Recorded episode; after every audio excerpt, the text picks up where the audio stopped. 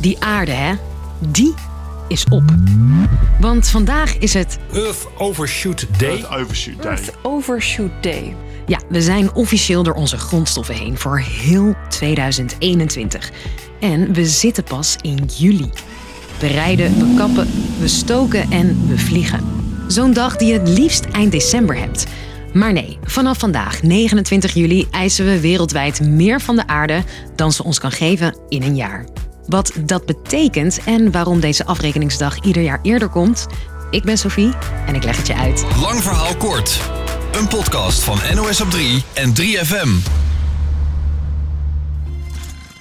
Ja, het is niet echt een gezellig bericht.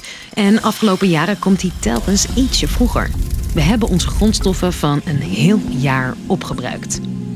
Het Global Footprint Network berekent dat ieder jaar en ze kijken naar twee dingen. Je hebt één, de ecologische voetafdruk. Dat is hoeveel land en water we gebruiken voor voedsel, wonen en grondstoffen. En hoeveel bos en water er nodig is om dat te absorberen. En twee, de biocapaciteit. Dat is hoeveel de aarde van al die dingen in een jaar kan aanvullen. Hoeveel nieuwe vis erbij komt, hoeveel onze landbouw kan produceren en hoeveel uitstoot onze bossen en zeeën kunnen opnemen. Als je die twee van elkaar aftrekt, kom je er snel achter dat we de aarde te intensief gebruiken. Wisten we natuurlijk al, maar deze manier van berekenen schetst een ontluisterend beeld. Op het tempo waarop we ontbossen, overbevissen en CO2 uitstoten, hebben we de aarde eigenlijk 1,7 keer nodig in één jaar om aan onze behoeften te voldoen. Beetje alsof we vanaf nu op ons spaargeld moeten teren. De planeet kan onze consumptie al sinds 1970 niet echt meer aan. Toen hadden we voor het eerst dat we de aarde in minder dan een jaar opgebruikten. Voor dat jaar dus. En daar was in de jaren 70 ook al aandacht voor.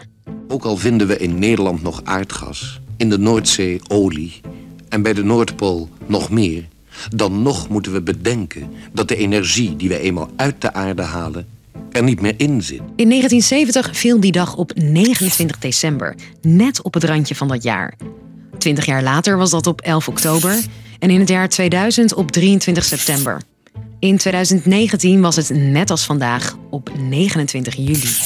Schetst een duidelijk beeld. Dat gaat niet de goede kant op. Wel is er ook kritiek vanuit de wetenschap op deze precieze berekeningen, maar het is wel een verhaal waarvan de boodschap breed wordt ondersteund, zegt industrieel ecoloog Robert Klein. Daar is wetenschappelijk van alles op af te dingen, op hoe je dat uh, precies uh, berekent. Daar zijn ook heel veel wetenschappelijke kritieken op. Ik denk dat het belangrijk is dat, dat zo'n maat een heel duidelijk beeld schetst. Het feit dat je die 1,7 aardes zeg maar, kan, kan aangeven en dat je zo'n dag kan, uh, kan vastleggen in het jaar, heeft een hele belangrijke signaalfunctie. Het is duidelijk dat we, als je kijkt naar CO2-emissies, als je kijkt naar klimaat, als je kijkt naar biodiversiteit, dat het natuurlijk niet goed gaat met de wereld. Sinds de jaren 70 zien we dus de datum dat we de aarde leeg hebben getrokken voor dat jaar schuift steeds verder naar voren. Vorig jaar gaf de pandemie de aarde wat extra ademruimte.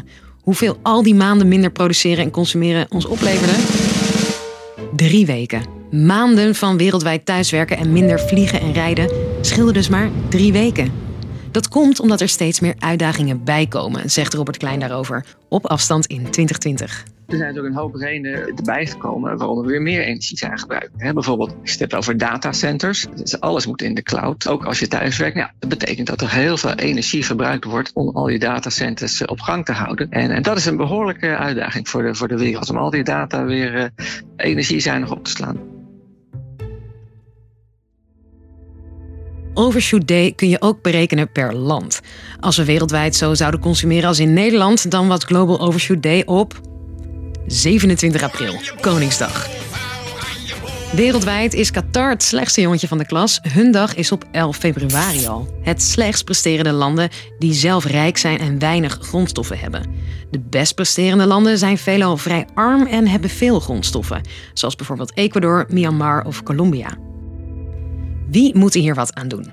Wil je dit veranderen kun je zelf wat doen, maar er zijn ook andere mogelijkheden, zegt ecoloog Robert Klein. Daarnaast is het natuurlijk ook wel heel erg belangrijk dat de overheid daar een rol in heeft. Als het gaat om regelgeving, wetgeving, subsidies, belastingen, al dat soort zaken. Dat de piketpaaltjes zodanig staan dat de economie de goede kant op wordt gestuurd. Een van de makkelijkste manieren om mensen te sturen is natuurlijk via de portemonnee. Denk bijvoorbeeld aan vliegtax. Ik denk dat dat ontzettend belangrijk is om dat soort dingen te doen. Als je kijkt naar kerosine, die wordt helemaal niet belast. Dus dat vliegen is eigenlijk gewoon veel te goedkoop. Ik denk dat het heel belangrijk is om ervoor te zorgen dat de dingen die de milieuverontreiniging of de problemen veroorzaken, zeg maar, dat daar de belasting ligt. Volgens deze wetenschapper ligt er dus een grote taak bij overheden. Kunnen we dit ooit nog inhalen? En hoe?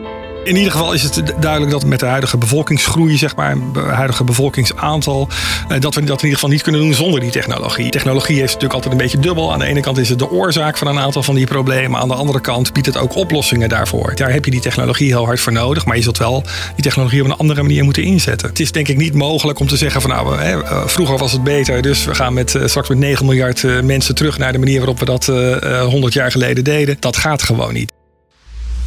Dus, lang verhaal kort.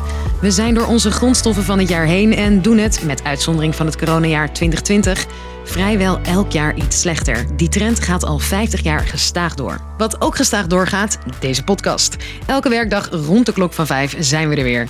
Thanks voor het luisteren en tot de volgende.